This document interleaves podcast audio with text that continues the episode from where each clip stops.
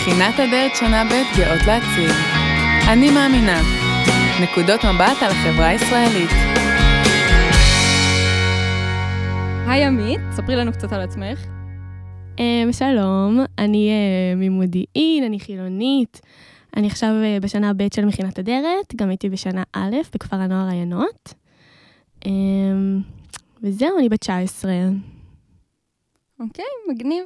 Um, ספרי לנו על מה בחרת לכתוב את האני מאמינה שלך. Um, אני בחרתי לכתוב על הדור שלנו, uh, שגדל בתקופה פוסט-מודרנית, ועל ההשלכות שיש מכך. Um, בעצם, מה שאני אומרת זה מי שגדל וחי בתקופה המודרנית, גדל עם יציבות כלשהי, עם בסיס כלשהו. Um, אבל אנחנו נולדנו לתוך עולם שבבסיסו הוא רעוע, ועכשיו um, זה כמעט בלתי אפשרי למצוא יציבות. מעניין, אז um, למה, למה בחרת לעסוק בנושא הזה? Um, בהתחלה בכלל רציתי לכתוב על, ה, על מצב הצעירים בארץ ועל התארכות המוריטוריום, שזה אומר שצעירים נשארים עד גיל מאוחר יותר בבית וגיל הנישואים עולה. Um, וככל שחשבתי על, ה, על הנושא הזה יותר, כך הבנתי שהבעיה עמוקה יותר מהתופעה הזו. Um, אני חושבת שמההתחלה ידעתי עמוק בתוכי שזה מה שבאמת מעניין אותי, uh, אבל הייתי צריכה לעבור תהליך בשביל להגיע למה שכתבתי בסוף. Uh, בסופו של דבר בחרתי בנושא הזה כי אלה היו תחושות שליוו אותי בשנים האחרונות, תחושות של אה, חוסר ביטחון, של פסימיות, אינדיבידואליות, שקשה לי להגיד אמירות. אה, זה מצחיק, כי במהלך העבודה, כל פעם שהייתי מעורערת וחשבתי שמה שאני כותבת זה שטויות, חזרתי למה שכתבתי כמה שורות קודם, כדי להחזיר לעצמי את האמונה שיש תוקף למה שאני כותבת וחושבת. Um, אני רואה שבעבודה שלך את סקרת uh, את מקורות הסמכות ששימשו את הדורות שלנו ואת הדורות שקדמו לנו. מה, מה לדעתך השתנה בין הדורות ומה המשמעות של זה? זהו, אז um, בעבודה אני באמת מתארת את השינוי הזה, במעבר בין התקופה המודרנית לתקופה הפוסט-מודרנית. Um, התקופה המודרנית uh, דגלה באידיאולוגית חובקות קול ובנקודה ארכימדית, שזה בעצם קו מחשבה אחד שעליו מתבססת האמת. Um, אפשר לראות דוגמה לזה מהנאורות, שהנקודה הארכימדית שלה היה הרציונליות של האדם, שעליה היא ביססה את כל הרעיונות שלה. אמ, שמקורות הסמכות הם אלה שהחזיקו באמת.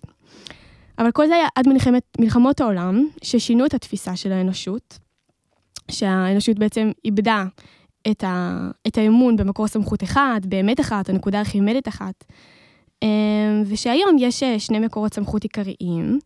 הראשון, אמ, שהגיע בעיקר בזכות האינטרנט והרשתות החברתיות, זה מקור הסמכות שמגיע מתוך אה, חוויה אישית והזדהות. ואני מקבלת את, את תוקף הסמכות, בגלל שגם אני מרגישה ככה, אז אני יודעת שזה אמיתי, שאני לא לבד בזה. Um, השני זה האינטרנט עצמו.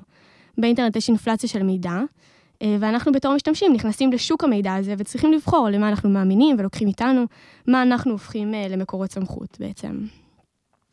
אוקיי, okay, מעניין ממש. מה, מה בעצם המסר שהכי חשוב לך שהקוראים יצאו איתו מהאני מאמינה שלך? Um, אז יש שניים עיקריים. הראשון זה שלכולם יש תוקף שווה. שהאמת שלי, או האמונה שלי, או כל דבר אחר, אה, לא טובה יותר או פחות מאמת של אה, מישהי אחרת. אה, כמובן שזה יוצר סתירה כלשהי, כי אם נגיד אני רואה בדואי מנסה לרצוח את אחותו על רקע כבוד המשפחה, אני לא אשב ואתן לזה לקרות, אני, אני אעצור אותו. כי אני מאמינה שזה לא מוסרי, כי זו האמת שלי. אבל אה, אם בתגובה לכך ישאלו אותי למה אני חושבת שהאמת שלי נכונה יותר מהאמת של הבדואי, אה, כי הרי הוא פעל כך מפני שככה זה בתרבות שלו ובאמת שלו, אה, אני לא אוכל לענות ברציונלית על השאלה הזאת, אלא רק מהיבטים רגשיים. זוהי בעצם הסתירה שאין לה תשובה, אבל לפי דעתי הפתרון לטווח הרחוק הוא שאפשר להגיע לשיח והידברות עם הקבוצות השונות, וכך להגיע לאמת. וה...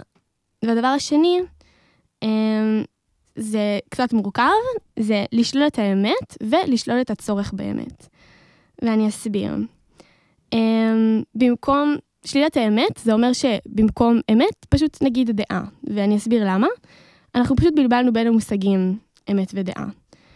אמ, שתי ההגדרות העיקריות לאמת זה תיאור המציאות והשקפת עולם או הדעה שלנו. אה, וככה בעצם אנחנו מבלבלים בין המציאות האובייקטיבית, שהיא האמת, לבין המציאות הסובייקטיבית, שאותה אני מגדירה כדעה.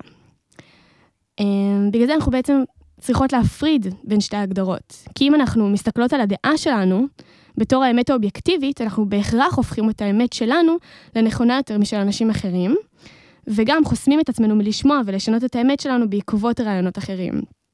כי אם הדעה שלי היא האמת האובייקטיבית, אז אין בחורים. אמ, אז ברגע שנשנה את המינוח ואת המחשבה לדעה, נבין שזה בסדר, שהאמת שלנו תשתנה, ושיש בה מקום לטעויות. וגם נהיה קצת יותר ענבים, כי נבין שהאמת שלנו לא יותר נכונה משל אחרים או פחות נכונה, אלא פשוט שונה. אמ, ושלילת הצורך באמת, שזה הדבר השני שדיברתי עליו, זה...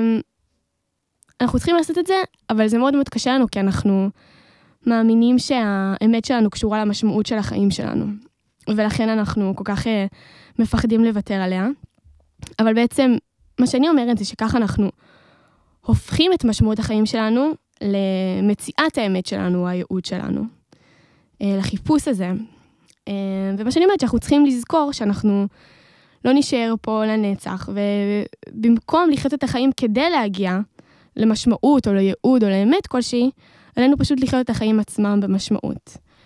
אמ, אבל שאי אפשר לעשות את אה, אף אחד מהדברים שאמרתי אה, בלי, אה, בלי להיות בעלי ביטחון עצמי וענווה. או כמו שאמרו חז"ל, בשבילי נברא העולם ואנוכי עפר ואפר. אוקיי.